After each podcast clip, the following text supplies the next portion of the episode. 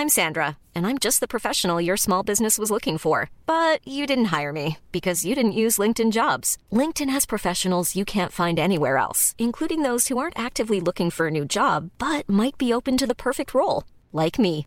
In a given month, over 70% of LinkedIn users don't visit other leading job sites. So if you're not looking on LinkedIn, you'll miss out on great candidates like Sandra. Start hiring professionals like a professional. Post your free job on linkedin.com/people today.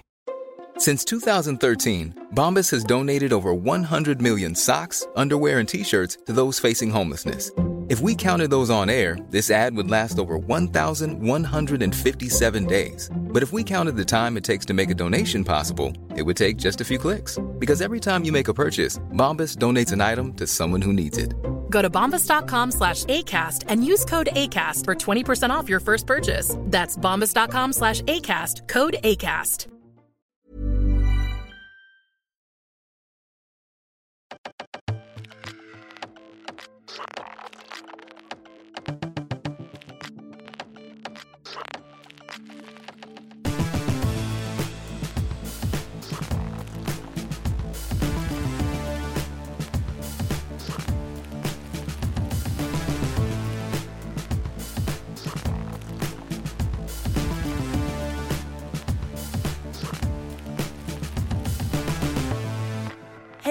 Allihopa! Välkommen till ett nytt tisdagsavsnitt. Här sitter jag med min största beundrare och den som jag beundrar mest i hela världen. Hej, välkommen min mamma. Hej älskling, vilken fin komplimang. Det känns som en ära faktiskt. Jag tror inte att du riktigt förstår. Jag är ett stort fan men det är också något, ett otroligt erkännande av din och min relation att, att du faktiskt vill ha med mig. Så Men tack. visst har du lyssnat på alla avsnitt? Mest av alla. Jag har lyssnat på alla avsnitt. Och vad, vad tycker du hittills om podden? Jag är helt fascinerad att så många vill höra om ditt liv. Inte för att det inte är intressant utan att du har en sån stor trogen följarskara. Det, för mig är det otroligt att du är en förebild för så många. Jag är inte riktigt... För mig är du ju bara min dotter och det är inte bara, men du förstår vad jag menar. Jag fattar. Det är väldigt många som är väldigt nyfikna. Jag ställde lite frågor på min Instagram och så berättade jag för mamma precis när jag hade lagt ut det så frågade hon men vad tror du att det kommer för frågor då? Varpå jag sa att ja, men det är väl lite hur du och pappa träffades och lite sånt om vår relation och varpå mamma sa så här, nej men de är bara intresserade av dig. Men ja, eftersom jag har pratat om dig så mycket i mina sociala medier så är det som att folk nästan känner dig lite och i och med, för det har jag, det har jag verkligen växt upp med i och med att mamma jobbar som lärare på ett gymnasium i Stockholm så är det ju alltid som att folk, det är nästan som att du också har varit lite småkänd i hela min uppväxt. För att det har alltid varit, man har inte kunnat vara i Täby utan att det liksom kommer upp hela eh, stora gäng och är så här, ja, hej, vad kul att se dig här. Liksom, det har alltid varit folk runt omkring dig. Så att det tänkte jag också fråga, hur har det varit på senare år när, har, när folk har vetat vem jag är också? Ja, men jag brukar faktiskt skämta om det. Att Förr om åren så var jag ju känd för att vara jag. För Mhm. att jag har undervisat i så många år på samma ställe och i väldigt många som, som har gått på Tibble faktiskt. och väldigt många som har tyckt att du har varit den bästa läraren i hela världen. Mm, snällt sagt. Tack så hemskt mycket. Jo, men jag har fått mycket beröm genom åren. Det är underbart. Ehm, men nu, jag är inte längre känd som läraren Karin Eklund. Jag är känd som Horsvig 4s mamma. Mhm. Och hur är det då? Eh, jag kan säga att Eh, jag känner mig helt trygg och lugn nu. Men när du började din resa på TikTok så kanske inte det var så att jag outade... Det, det kom ju fram på ett sjukt sätt till mig. Det var faktiskt en yngre kollega till mig som kom fram till mig i en korridor första dagen på terminen, på höstterminens start för bara några år sedan. Och så sa han att han följer en tjej på TikTok som han tycker är så jävla kul. Eh, och sen så hade hon något, en liten uppgörelse med sin mamma där mamman försöker prata vett med henne om att hon super för hårt. Och han hade insett att men för helskotta, jag känner ju henne. Det är hon, det är Karin. För att han kände igen din röst. För Du var, han du var ju aldrig kände- med på video. utan Nej, du var exakt. Men han kände igen min röst. Och det tyckte jag var så sjukt jobbigt. Att jag var outad där när jag typ var helt autentisk, besviken och arg och i min mammaroll. Och att han hade hört det här. Så då frågade jag honom, okej, och vad heter hon på, Inst- eller på TikTok? För Så det hade sa- inte jag sagt till dig, eller hur? Exakt, så att jag följde ju dig alltså, i hemlighet under de första åren. Och då var jag inte jättestolt. Alltså. Jag, det, var, det kändes skönt att veta vad du gjorde. För att jag visste ju redan. Och nu fick jag det bara bekräftat och så dessutom i bild. Så att det, då tyckte jag att det var jobbigt därför att du var så ung också så att jag var ju lite orolig. Men sen fick du ju reda på att jag följde dig. Jag kommer inte ihåg hur det kom Jo, fram. För att du ställde någon fråga som jag visste att ingen kan ha sett. Ingen vet om det här om mig om de inte har sett min TikTok. Så då gjorde jag en till video. Den videon har jag spelat upp här. Du vet när jag fortfarande poddade med Filip så spelade jag upp den. När jag pratade om hur vidrig man har varit mot sina föräldrar i sina dagar. Jaha, nej jag minns faktiskt inte det. Det är en video när jag går till bussen, eller från bussen, andfådd som fan är jag av någon anledning. Och så säger jag, antagligen för att jag söp hela tiden. Just det. Ja, och så säger jag Hej allihopa, det är så kul att vi är 16 000 följare och eh, vi har en liten hedersgäst, nämligen min mamma. Varmt välkommen Karin. Och så säger jag så jävla syrligt och argt och så fick du väl se den. Du, jag kommer ihåg att du till och med var dryg och sa vad du ville ha till middag den dagen. Du var Ja. så otrevlig. Eh, ja, men, jo, men jag kommer ihåg det här nu. Det här är ju ganska många år sedan. Du var ju fortfarande väldigt ung. Så att, Det var precis när jag hade fått, det var helgen efter att jag hade fått mitt körkort och skulle ut och fira det typ. ja. Så jag var ju 18. Men det har hänt väldigt mycket Förlåt, senaste. men man är ganska ung när man är 18 också. Det, jag, jag brukar skoja om det och säga att eh, innan jag fick egna barn som var tonåringar och gymnasieelever så trodde jag att jag jobbade med ungdomar. Mm. Nu när jag själv har barn som idag är 24 och snart 22 och sen 15 då förstås. Men eh, jag jobbar ju nästan i barnomsorgen. Sen är det ju inte så för att de uppför sig inte illa mot mig som är lärare. Men hemma hos sina egna föräldrar så är de flesta rätt små barn när de är 18 också. Så att you are forgiven honey. Men det har hänt mycket på senaste. Jag är ju vuxen, vi pratade om det på vägen hit. Att, eh, att jag inte behöver bli tillsagd och klä på mig och stå för nära tunnelbanestationen och allt vad det är. Preskö. Det är ändå skönt. Skö ett skönt erkännande att även ens mamma kan inse att man börjar bli vuxen. Jag har fått en fråga, och jag har fått väldigt många frågor men Mm. den mest intressanta som jag vill att du börjar att svara på är varför döpte ni Hedvig till just Hedvig och hade ni några andra namnförslag? Ja, men det är en ganska rolig historia faktiskt. För att eh, vi visste ju inte att du var en flicka. Så när du hade kommit ut så pappa hade pratat lite om Elin.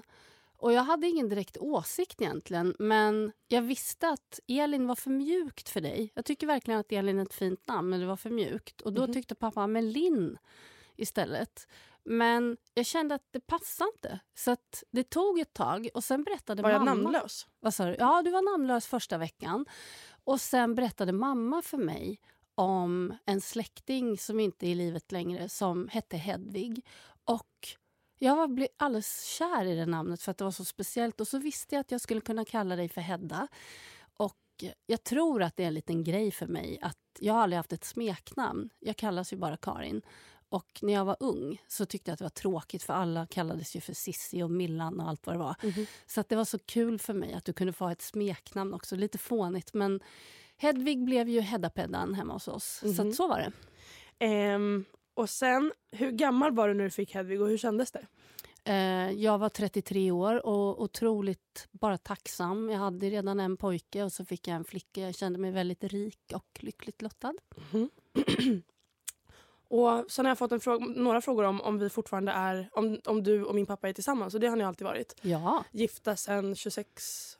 Nej, tjugo- nu ska vi se. fyra. Vi gifte oss 99, så att, eh, men vi träffades ju 96. Så att vi har varit ihop i åh herregud, 28 år i februari är det sen jag bjöd honom på fest första gången. Ja. Och hur träffades ni då? Eh, ja, det låter ju som att jag är en väldigt ytlig person nu och det kanske jag var i alla fall när det gällde början av den där relationen. Jag har jobbat som bartender i väldigt många år på olika klubbar i Stockholm och eh, han frekventerade lite olika ställen som jag jobbar på och jag tyckte att han var sjukt snygg. Och du kallar honom till dina kompisar han med låren. Ja, han med låren. Och de få gånger som jag inte själv stod i baren så eh, vi hade ju ganska lätt att komma in överallt för att man kände alla dörrvakter och så. Så det var bara att glida före köer och sådär. Och ehm, jag släpade ju runt dem på mina kompisar, alltså på de ställena som jag visste att han gick på för att få liksom, ja, stalka honom lite. Mhm. Han hade en tjej då, det hade inte jag fattat. Det var ju någon som sen hade vänligheten att upplysa mig om det. Men ja, jag manövrerade väl ut henne så småningom. Jaså? Vad lyssnade hon på för musik på 80 och 90-talet? Nej men gud, jag var ju världens hårdrockstjej. Eh, så pappa och jag har ju, din pappa och jag har ju rötterna tillsammans i hårdrocken, absolut. Det var, på 80-talet var man synt eller metal och jag var metal. Usch, alltså jag kan inte tänka. Du, mamma lyssnar ju knappt på musik nu. Nej, men jag lyssnade, jo det gör jag visst när jag tränar och när jag är själv. När man är lärare så är faktiskt en av baksidorna att man blir ganska trött på ljud. Så att eh, efter en skoldag med hundra ungar samtidigt som det låter överallt och projektor som surrar och så, så har jag faktiskt gärna tyst, så är det. Men om jag inte blir störd av något så lyssnar jag jättegärna på musik. Men då är det liksom Miriam Bryant, Veronica Maggio och sånt som jag lyssnar på. Så att, att se dig lyssna på hårdrock har jag bara väldigt, jag har väldigt svårt att se. Jag hade velat känna dig när du var yngre men det går inte. Nej, det är korrekt. Hur var dina tankar och åsikter när Hedvig ville flytta utomlands? Det var ju du som egentligen som stöttade mig och märkte att jag behövde en förändring och som lyfte mig i det här och hjälpte mig nästan med allt. Mm. Vi var ju, vi har alltid varit i och sommar sommarställat. Va?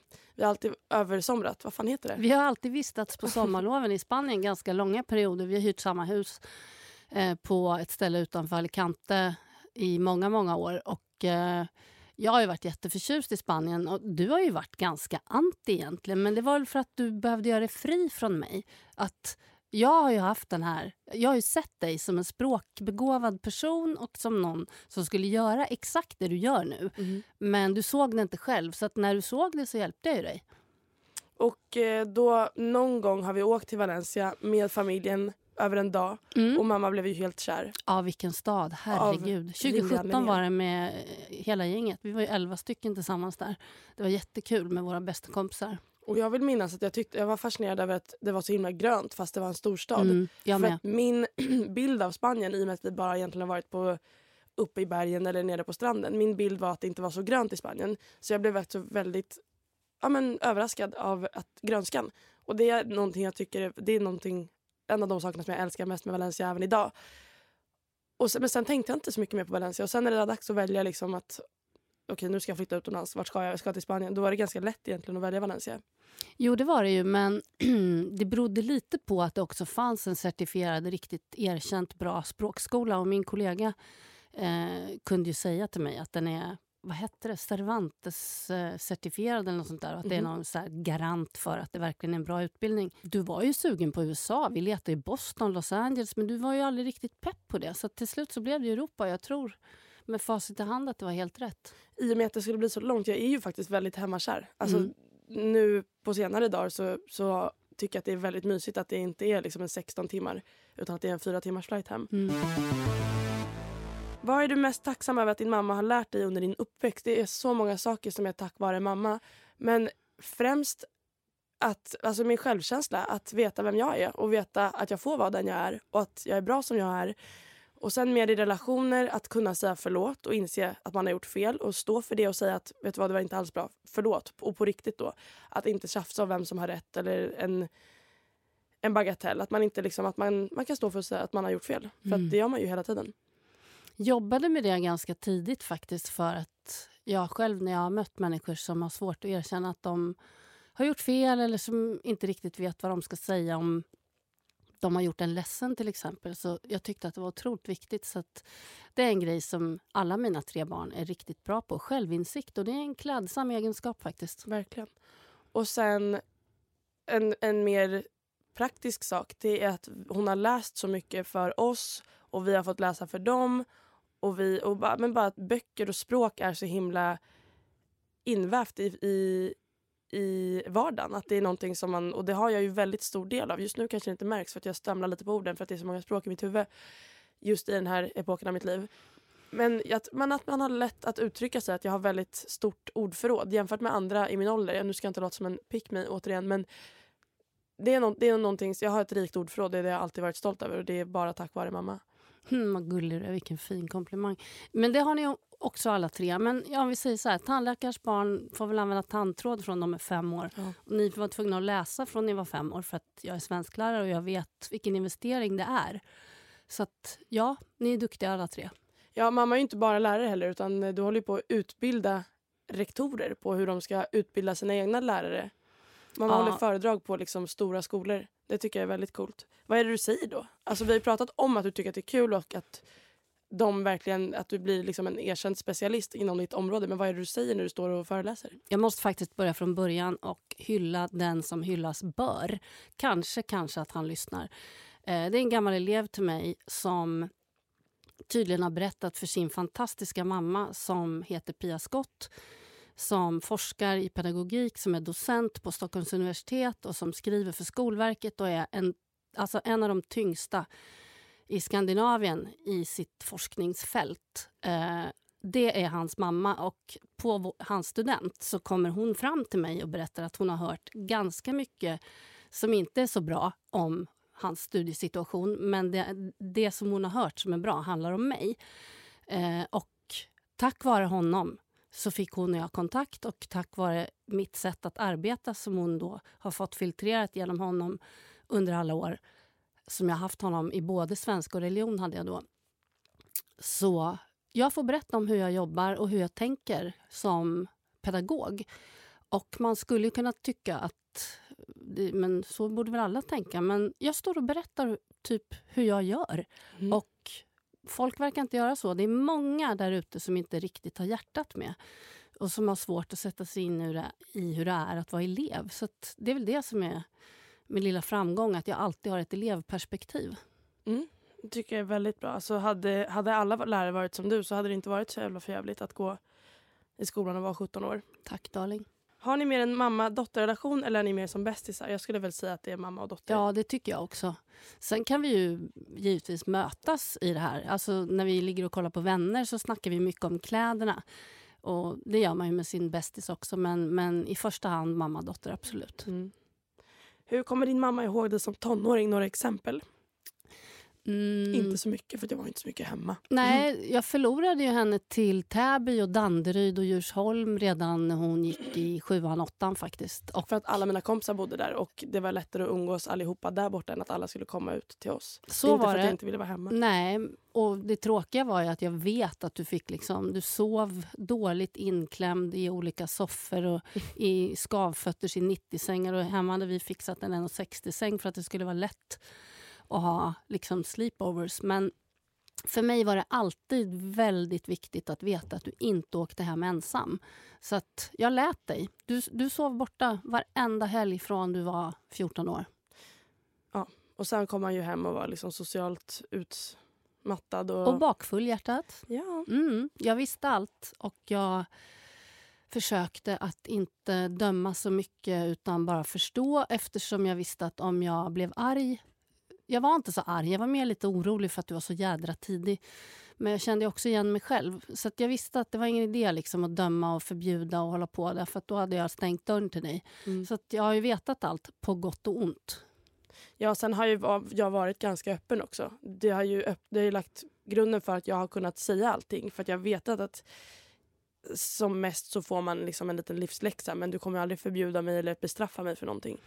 Nej, och det tänker jag att du vågade ju säga därför att du visste att jag inte dömde och, och skällde så mycket utan att vi pratade om det istället. Mm. Okej, här får jag frågan mamma. Om du fick säga ett ord till ditt yngre jag, vad skulle du då sagt? Åh, tro på dig själv. Ja. Tro på dig själv. Hur klädde din mamma dig som liten? Var det det som hon tyckte var fint eller var du diktatorn? Nej men Hedda var ingen diktator, det behövde hon inte vara. Jag eh, det roliga är att vi hade ju, min bästa kompis hade två döttrar som var födda 00 och 01. Så att vi badade ju i ärvda klänningar och paljettrikåer och allt möjligt och fjäderbor och grejer från dem. Så när de hade växt ur sina grejer så fick vi det. Plus att jag köpte eget och min älskade bortgångna moster som sydde klänningar på löpande band och skickade till mig. Hedda hade så mycket kläder så att hon bytte om fyra gånger om dagen från att hon var tre år på riktigt. Och jag kände att vi sparar inte på nåt för man vet ju hur fort de växer. Så att vill du ha sammetsklänningen så ha den när du äter också. Det är inga problem. Så att jag lät dig bara vara. Det, det var du som klädde dig. Jag gjorde ett misstag en gång och det var första gången som vi var och åkte skidor. Då var du tre år och åtta månader ungefär. Tre år och tio månader och väldigt bestämd. Och Vi åkte ju till Kittelfjäll och det var ju underställ och alpinkläder. Och när vi packade upp där och du insåg att prinsessklänningen inte var med, åh vad arg du var på mig. Så att när vi kom hem sen, bilresan hade varit fruktansvärd och lång och du var väldigt liten och väldigt trött. Men det första du gjorde, hur trött du än var, var att byta om till prinsessklänning och sen sov du den och hade den på dig typ i två veckor för att kompensera för den där veckan i fjällen. Ja, så där satte vi ribban lite för Ja, så var det faktiskt. hur mån jag är om att vara klädd snyggt. Det är faktiskt någonting jag kan tycka är väldigt tråkigt nu när jag jobbar som lärare. Att jag jobbar som idrottslärare så jag måste gå dit och vara ful halva dagen. Det är så jävla tråkigt. Jag tycker det finns massa snygga Adidas-brallor och Jag sånt. vet, det jag går. vet. Men det är inte lika kul. Nej, jag Det fattar. är inte jag. Nej, jag Alltså. fattar. Oh my god vad lika ni är. Vad är det din mamma blivit mest chockad av att du gjort? Alltså hon har inte kunnat chocka mig. En gång så handlade det lite om eh, ren självbevarelsedrift som jag tyckte att kanske att hon saknade. Och det var, jag tror att de hade knött in sin moppebil hur många som helst, att hon satt i bakluckan. Och de är ju så små och det är så krockfarligt liksom. Sitter en jä- jätteung person vid ratten, det är riktig trafik, den går supersakta, blir du påkörd bakifrån om någon inte är uppmärksam så är det, alltså du hade ju kunnat dö. Då blev jag jätteförvånad faktiskt. att Fattar du inte? Men man har ju inget riktigt konsekvenstänk. Jag, Jag tror att du var inte ens- 15 år. Jag minns inte ens liksom vem vi pratar om, vilken bil, när Nej, det var. jag förstår, jag vet. För det hände också mer än en gång. Om Mm. jag får vara. Ja. Vad tycker du ärligt om Don Juan? Min mamma älskar Don Juan.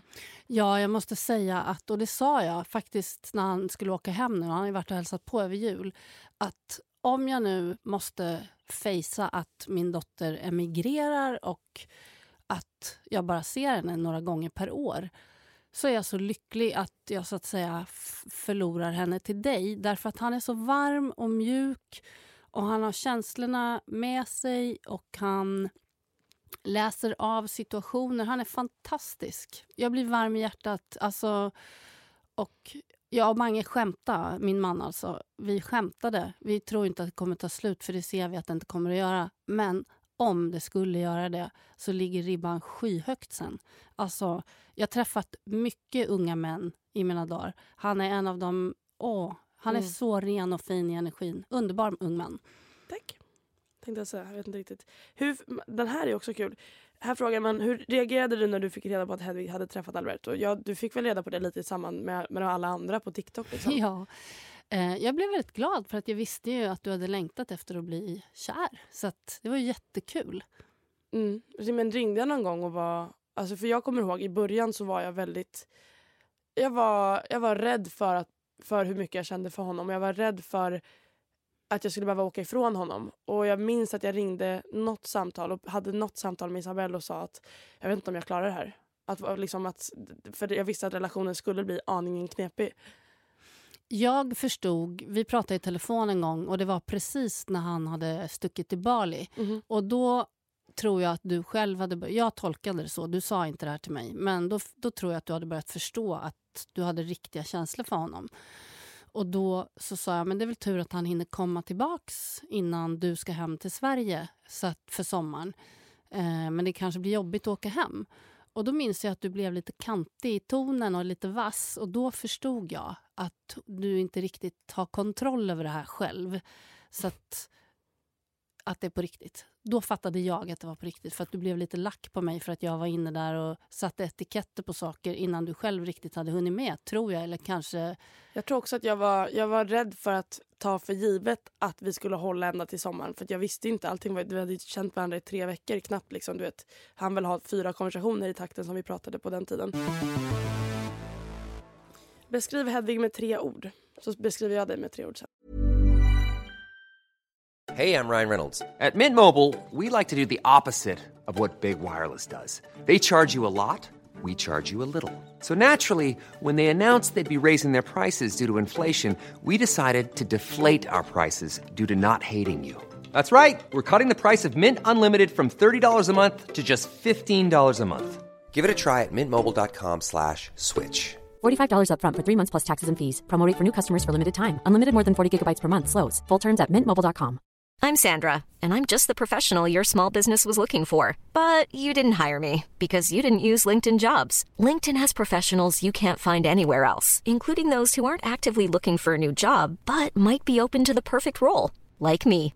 In a given month, over 70% of LinkedIn users don't visit other leading job sites. So if you're not looking on LinkedIn, you'll miss out on great candidates like Sandra. Start hiring professionals like a professional. Post your free job on linkedin.com/people today.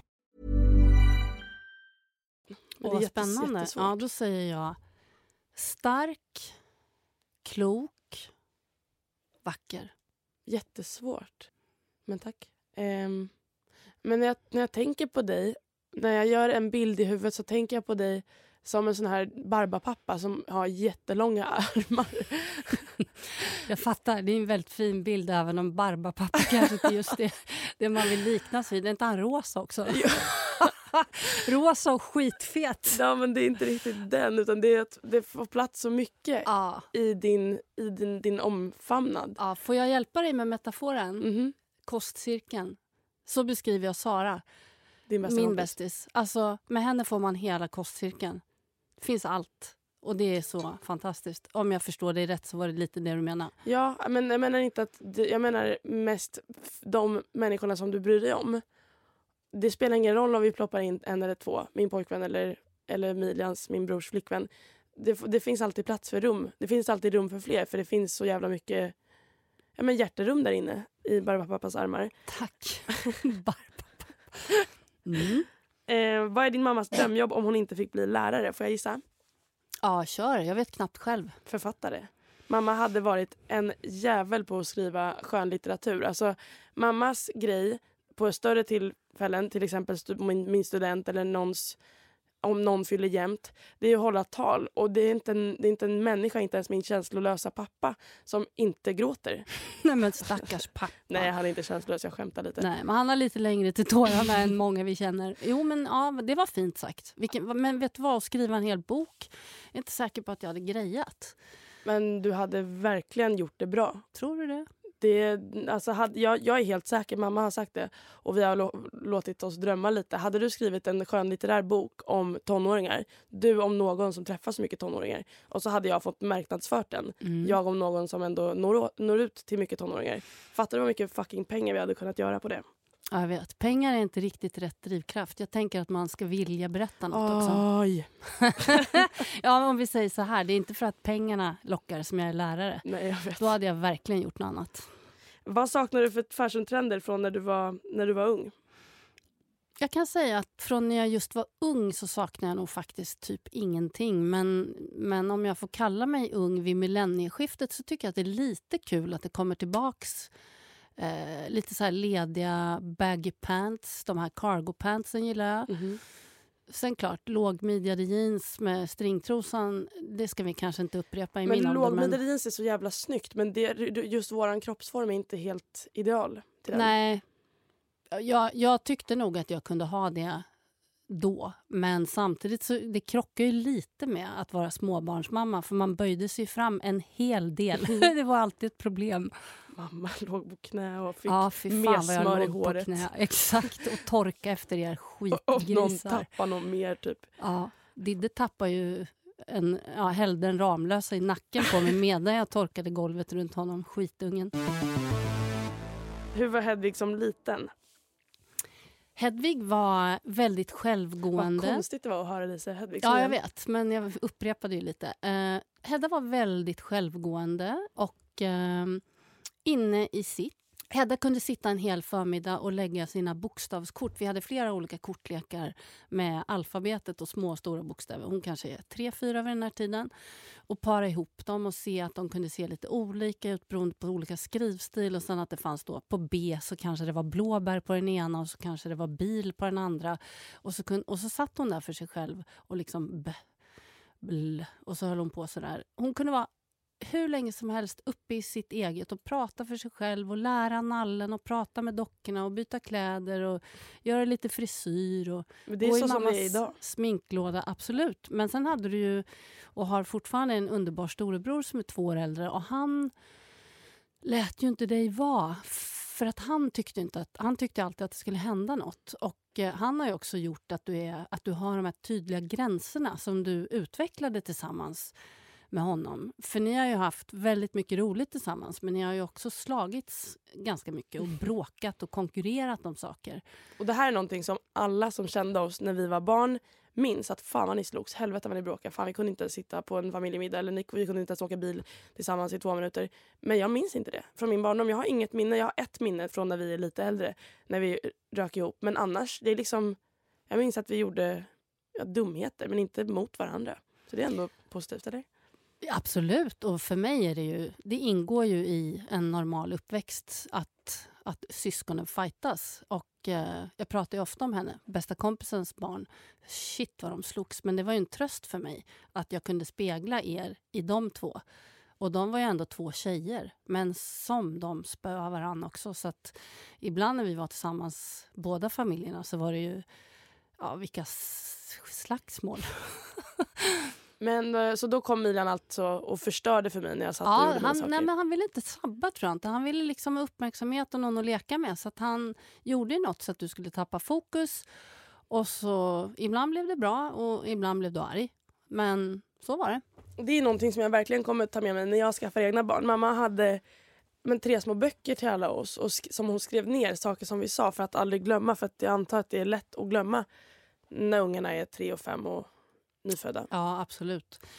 Eftersom jag är ett eh, stort eh, fan av språkutveckling, jag är ju rätt nördig, så tyckte jag också att det var så. Jag hade precis läst om barns språkutveckling när Milian föddes och eh, därför så fick han en språkdagbok så att jag har liksom datum på när han sa sina första ord, vad han sa och hur han började att bygga meningar på ett väldigt kreativt sätt som jag tycker är så fascinerande. Alla mina elever har hört det här, de som har haft mig när vi har hållit på med språksociologi. Men jag säger det igen för jag tycker det är så roligt. Första gången han gjorde mål så skrek han, då var han bara tre år, eh, att han målade. Det var kul. Och när han läste, då var han kanske två år. Så frågade jag, vad gör du? Jag bokar. alltså, det är klockrent. Men det är sånt jag gör på spanska nu. Det är sånt, det, man får börja om på nytt Ja, men det är är så, 21. ja, exakt, det är så det är att lära sig ett språk från början. Att ta till de knep man hittar, för man gör sig alltid förstådd. Eh, så att jag har en sån bok på varje barn. Och eh, när Didrik fyllde 15 här i höstas så satt vi hela familjen och läste högt ur den. Det var faktiskt väldigt kul. Men då vill jag att du ska komma ihåg någonting ur min språkdagbok. Eh, en av de sakerna som hela släkten minns, det var ju så otroligt gulligt. Mormor och morfar var ju ganska gamla redan när du var liten, även om de var tokfräscha och tog hand om er. Men du tyckte att de var väldigt gamla. Och eh, ni pratade om döden och mormor hade berättat hur det gick till när man dog och förklarat hur en begravning gick till. Och då tittade du på henne en stund och så, sen sa du jaha, så man blir planterad liksom. Det är så gulligt. Man blir planterad. Ja, så blir man en blomma sen. Ungefär så, sa mormor. Vad gulligt. Mm. Jag tycker att Alberto borde föra en språkdagbok på, på mig också på, när jag lär mig spanska. För att jag säger mycket sånt Ja. även på spanska. Jag vet fortfarande inte hur man säger skurhink på spanska. För att en gång så sa jag bara, för jag, jag hade spilt någonting hemma hos honom. Och så sprang jag ut till hans mamma och frågade vart är den här, den här, den här. Jag bara, och till slut så jag fick inte fram det. Så då gick jag och hämtade moppen och så gick jag och frågade vart är hans kompis. det är jättebra. Ja. Exakt så. Så nu fortfarande, även med fröken Braj och hennes äckliga kompis så behövde, så liksom, för jag vet fortfarande Ja. inte vad fucking skurhink heter.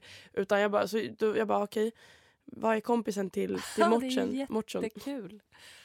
Sådana saker så Mm. håller jag på med. Ja, men det är kul. Språk är kul. Det är faktiskt Mm. det. Och det, jag tror att jag har fått mitt språkintresse från dig. Mm, säkert. Alltså på riktigt, språk är ju... Jag tycker att språk är ens personlighet. Jag menar, hur rolig var du på spanska för ett år sedan? Ja, inte jätte. Hur mycket av din personlighet kom fram liksom? Inte jätte. Nej. Så att det är klart att en språk, man blir väldigt begränsad.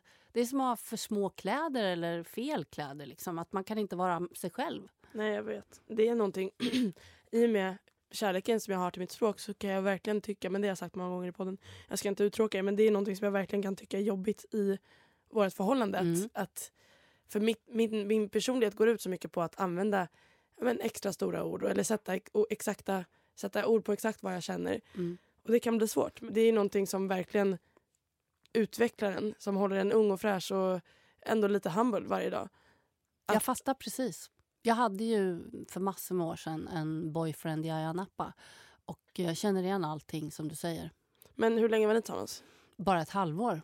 Men var ni verkligen liksom tillsammans, tillsammans, kära och grejer? Absolut, jag var rätt kär i honom. Och eh, Han rökte så mycket hasch, jag orkade inte med honom så jag åkte hem sen. han blev sur och jag lurade honom lite, men det är en annan historia. Aha, va? Berätta, jag har inte hört. No, han eh, tyckte att han skulle komma med till Sverige och jag tyckte inte det. För att jag kände att det är inget att bygga på för att han för honom det var så himla naturligt och normalt att röka braj ofta. Jag gillade inte det. jag tyckte han blev slö och trist. Det blev han säkert. Men sa du till honom att han skulle få följa med till Sverige? Jag tror att jag var ganska oklar mot honom. Ja. Ja. Men gjorde ni slut? Gjorde du någonsin officiellt slut med Nej, honom? det gjorde vi inte förrän jag typ outade att han inte skulle komma till Stockholm längre. Aha. Så Skrev var... ni brev då? Åh gud, vilken bra fråga. Ja, jag tror faktiskt vi gjorde det. Och så någon gång så ruinerade man sig och ringde utlandssamtal. När tycker du, Hedvigs mamma alltså, att det är dags att prata med sina barn om sex? Jag, om jag får svara på frågan innan du svarar, tror att du kommer svara när de frågar, när de är gamla nog att fråga. Precis. jag... Eh, det fanns något som hette livskunskap som ingick i gymnasiets naturvetenskapliga kurs för tio år sedan. Och eh, jag undervisar en hel del i det och det handlar om sex och samlevnad. Så att jag har gått en massa kurser på nåt som inte finns kvar längre som då hette Landstinget förebygger aids. faktiskt. Aha. En organisation som fortbildade lärare i olika värderingsövningar och i hur man pratar med barn och unga om sex. Och Det var väldigt värdefullt för att de hade en del psykologer och beteendevetare inkopplade där. Och Jag lärde mig då att um, när de är redo när de har kunnat formulera frågan så är de redo för svaret. Um, sen har jag fått en fråga också. Um, där det är en tjej som tycker att jag verkar så himla självsäker och men nöjd med mig själv. Har, hur har du jobbat under min uppväxt för att det ska bli så? Jag jobbade medvetet faktiskt med att väldigt tidigt lära dig att känna efter. Vill du det här? Är det här bra för dig? Blir jag glad av det här? Är den här personen snäll mot mig? Uh, det gjorde jag väldigt tidigt och uh, jag tycker att du tog mycket kloka och väl avvägda beslut, mogna beslut, redan som tioåring faktiskt. Mm. Och uh, jag jobbar ju likadant med storebrorsan och lillebrorsan förstås. Men det som jag minns det är att medan vi fortfarande var väldigt nära varann, då kunde ni ha mig som en sköld. Att man, om man inte pallar att säga nej eller säga ja, ifrån det. Helvete, det så skyllde man på mamman, eh, eller på mig då, att nej men mamma säger att det inte passar idag. Eh, men, men så hade vi rollspel. Vi övade hemma på att säga nej. Och när någon tjatar. Men kan, snälla, var inte så oskön, häng med då. Och då, då övade vi på det. Så vi hade rollspel i att lära sig säga ifrån, säga nej och känna efter i magen. Mm. Mm. Och sen var allt som kommer med, med liksom mer självförtroende. För där är väl mer självkänsla. Men självförtroendet precis byggs nog på självkänsla. Om du vet att du är värdefull på något sätt så det är klart att du fick kanske med dig att du var värdefull för att jag alltid fanns runt dig och bekräftade att du var värdefull på något sätt. Jag tror att föräldrarna har mycket med det att göra men, men i speglingen sen mot vänner så klart att de också tar över och påverkar när man blir lite äldre. Men vi jobbade mycket med att säga ifrån och känna efter. Vad vill du, vad vill du inte och allt det där. Och det, mm. det tror jag har gjort dig till en väldigt stark person. För det har nästan gjort att jag... Eh, för det här kommer jag ihåg. Det här har jag jätt, haft jättemycket glädje av eh, i vuxen ålder också. Att det är inte som att jag nu behöver göra det här rollspelet med mig. Men jag kommer ihåg och jag har en en tydlig magkänsla för att det är någonting som jag har pratat med många kompisar om. Jag har haft många kompisar under åren som har varit liksom ganska veliga och sagt att jag vet inte vad jag ska göra, jag vet inte om jag ska plugga det här eller det här. Jag vet inte om jag ska köpa den svarta eller den vita tröjan. Alltså alltid att det är någonting som man inte vet. Och då har jag bara sagt att men det vet du visst det. Innerst inne så vet du det. Om du bara frågar vad vill jag? Vart lutar magkänslan? Men det är väldigt många som inte har det. Så det tror jag är väldigt viktigt. Till att börja med, om du från noll ska bygga upp men dig själv som egen person så tror jag att du måste börja med att titta inåt och kolla vad vill jag? Och vet du inte ens där inne så förstår jag att du har det väldigt svårt för att det är någonting det är den du är. Men så att hitta sig själv, jag tror att det handlar också om, om du måste börja med det i vuxen ålder, prata om saker och tänk på situationer och träffa nytt folk som utsätter dig för, för Men för, för fler situationer där du, så att du hela tiden känner efter. Vad tycker jag om det här? Och hur känner jag kring det här? Och hur hade jag agerat i den här situationen? Och bara börja om som om du vore liksom, ja, men fem, sex år. Jag tror också att en del av att du bestämde så mycket själv. Det enda jag bestämde över dig var sånt som var riktigt viktigt. Alltså läggtider, tandborstning, tvätta händerna och alla såna där grejer. Men för övrigt så fick du bestämma själv. Mm. Vilken bok du ville läsa, vad du skulle ha på dig, om du vill klippa av luggen nere vid rötterna. Fick, fick jag det för Ja, dig? du gjorde ju det. Ja men gjorde inte jag det i smyg?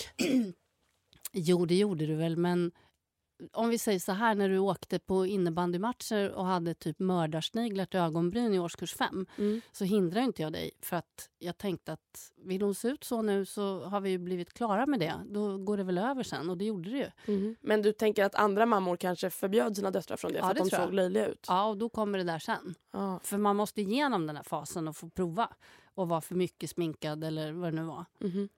Ja, i och för sig. Absolut, jag håller med. Här är en fråga. Har hon också bott utomlands och kan relatera till upplevelserna som du har nu när du bor i Valencia? Hon, den där mamman, har ju faktiskt varit utomlands också. Och eh, Jag åkte på vinst och förlust till Ayia Napa på Cypern typ i mars 1988 och kom hem i november. Och då hade jag Ingen, jobbat ingen orkar rä- räkna så långt. Du är alltså född... 68, så jag var 20 år. Mhm. Eh, och Då träffade jag den här cyprioten och var ju lite kär i honom. och Jobbade som inkastare, bartender och eh, vi skulle värma dansgolvet också. Så jävla stelt. Men det gjorde vi. Och så åkte vi runt. Vi fick en moppe av den här krogen och så åkte vi mellan olika stränder och delade ut såna här biljetter. Typ andra drinken gratis. Mhm. Eh, så vi var lite allt i allo på den här krogen och eh, levde ju livets glada dagar. Och Sen eh, så jobbade jag ett tag och sen stack vi faktiskt tillbaks så att jag var där igen säsongen därpå. Men inte riktigt lika länge. Men jag var inte sammanhängande tid och jag lärde mig ju inte grekiska. Nej, så jag har ju lite mer... Du åkte och säsongade och jag har Ja, åkt och jag flyttat. hade ju läst spanska också i skolan så det var ju hål i huvudet att inte åka till Mallis istället och göra likadant. Verkligen. Vad eh, jag skulle säga var att... Nej, vad jag ville fråga var hur var det att flytta tillbaka till Sverige efter att ha varit där i paradiset? Ja, ja men jag var lite trött på eh, paradiset då. Och, men framförallt så var jag väl lite trött på han som jag nyss pratade om. Mhm. Som rökte lite för mycket hasch. Det kan jag verkligen förstå. Mm, så var det. Eh, men eh, jag bodde i Linköping på den tiden och när jag kom hem så bytte jag min lägenhet och fick en lägenhet på Medborgarplatsen och flyttade till Stockholm och började mitt liv här. Mhm. Ja, nej, den här är intressant. Vad är någonting som ni vill lära av varandra? Mamma har på senare dagar blivit mindre stressig. Mamma har alltid haft tusen bollar i luften och på senare dagar så har hon blivit lite mer av en sen. Hon är liksom en redlevnadsperson av rang. Du vet, äter kombucha och dricker kimchi eller tvärtom och sådana saker hela tiden. Du vet, mm, tarmfloran och allting är liksom balanserat för att hennes kropp ska må så bra som möjligt. Det hade jag verkligen velat bli bättre på. Sen har jag börjat röra på mig och slutat supa så att vi är ändå någonstans på vägen. Men det är någonting som jag, jag ser att mammas kropp och sinne mår bra hela tiden. Att det, alltid är liksom, det är som ett lugn över dig som inte jag riktigt har kommit till än. Men jag har ju 40 år på mig. Yes, darling. Alltså, ingen är väl gladare än jag för att du faktiskt har växt upp nu och inte super. Att det inte är det primära målet med helgen varenda helg. Eh, så det är kul att se. Eh, och jag som alltid har tagit mina powerwalks varje morgon. Häromdagen följde du med och vi pratade ju då om att det var premiär. Någonsin. Mamma har Någon- frågat mig varenda dag som jag har sovit hemma. Sex år. Nej, det räcker inte. Jag har frågat dig sen du var f- 13. Och Ja. då, på den tiden så var det ju alltid nej. Och det har alltid varit nej sen för att du har varit bakfull. Så att, eh, nej men, det är väl fint om du inspireras av det. Det är jättebra. Jag, Jag är glad för det. jag vill bli, du vet, dina kosttillskott och allting. Det är alltid liksom... Och du håller alltid på att lära dig något nytt. Mm. Varenda gång man ringer dig så är det nej men nu håller jag på med det här. För det är bra för nagelbanden typ. Man bara, Nej, så nördig är jag inte så att jag håller på med något för nagelbanden. Nej, men, du förstår. Jag bakar ju till exempel mitt surdegsbröd på mycket dyrare och bättre mjöl för att det är högre proteinhalt och lägre glutengenomslag och det är nyttigare, bättre för magen och man är mätt längre. Sådana saker. Alltså, Såna saker. Jo, men det är kul. Tack för credden. Eh, jag är ju sjukt inspirerad av hur duktig du har blivit på spanska. Um, när jag kollar på till exempel spanska tv-serier på Netflix så, så märker jag att min spanska lyfts. Och Det är en, ett goal för mig faktiskt, så småningom. Att jag vill ta tag i och lära mig. För att jag fattar så pass mycket och gör mig förstådd så pass hyfsat. Men jag, jag förstår att jag låter som en riktig idiot. Alltså. Så att det skulle jag verkligen vilja. Och jag är jätteimponerad och stolt över din resa. Tack. Men det har ju också varit lätt. Jag menar, det är lättare att lära sig i ett spansktalande land med spansktalande kompisar och pojkvänner än att du sitter på, på Netflix. Såklart. Men pappa och jag har ju en liten plan att så småningom ja, men om några år du vet, sticka ner till typ Valencia och så ska han och jag gå på den där skolan och lära oss tillsammans. Hur hanterar du att din dotter bor så himla långt bort? Ja, det är inte så mycket att hantera. Det är bara att gilla läget faktiskt. Och ehm, allting som jag kan påverka och kontrollera försöker jag påverka och kontrollera. Men det här kan jag inte påverka och kontrollera. Så att jag är glad eftersom hon är glad. Mm. Ja, jag tycker att jag måste komma hem lite oftare än var fjärde månad för det var väldigt jobbigt. Men den videon som... För att jag vi kom ju hem den 23 eh, december och då låg mamma redan och sov för att klockan var ett på natten. Och sen på, på julaftonsmorgon så var ju mamma såklart ute på sin powerwalk och eh, bara för att få lite dagsljus för dagen och Alberto hade ju aldrig sett snö. Så, att, så gick vi ut och, eh, och så mötte vi mamma på powerwalken. Och mamma var inte beredd på att vi skulle komma så att, eh, då sprang jag mot dig med öppna armar och det var jätte... Ja, det var stort. Det var en återförening som alltså, förtjänar att vara på film. Den, var Den är på film. Ja, jag vet. Men nästan som en biofilm. Alltså, det var så fint och det var så mycket känslor och jag hade ju motljus så att jag var ju väldigt nära dig innan jag fattat. Det är Hedda som är där och så har jag inte sett dig sen i augusti så det var fantastiskt. Och Alberto tog upp telefonen och filmade det och så stod vi och grät och så Mm. likadana ut. Ja, det var underbart. Då vill jag säga tack för den här lilla pratstunden till min lilla mamma och tack till er som har lyssnat. Det har varit jättekul att ni, nu har ni egentligen lärt känna mig på ett nytt. Du vet, vi brukar prata om människor, att man skalar av ehm, Olika lager i löken. Precis, precis. Och nu har ni lärt känna mig ännu bättre för att ni har träffat hon som har skapat mig. Hmm. Jag tycker du har skapat dig själv mycket. Men det var en ära att få bli inbjuden älskling. Jag är jätteglad för vår skull. Puss! Puss och kram, ha det fint. Jag älskar er, var snälla mot varandra och er själva och jag vet inte, följ mig på Instagram. Puss!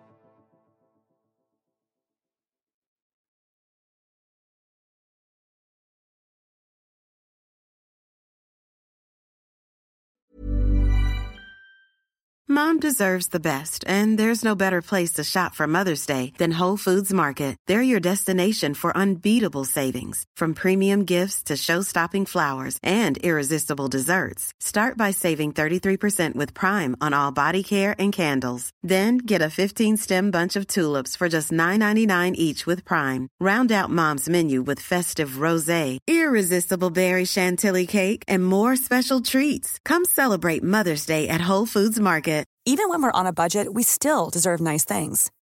Quince is a place to scoop up stunning high-end goods for 50 to 80% less than similar brands. They have buttery soft cashmere sweaters starting at $50, luxurious Italian leather bags, and so much more. Plus, Quince only works with factories that use safe, ethical, and responsible manufacturing. Get the high-end goods you'll love without the high price tag with Quince. Go to quince.com slash style for free shipping and 365 day returns.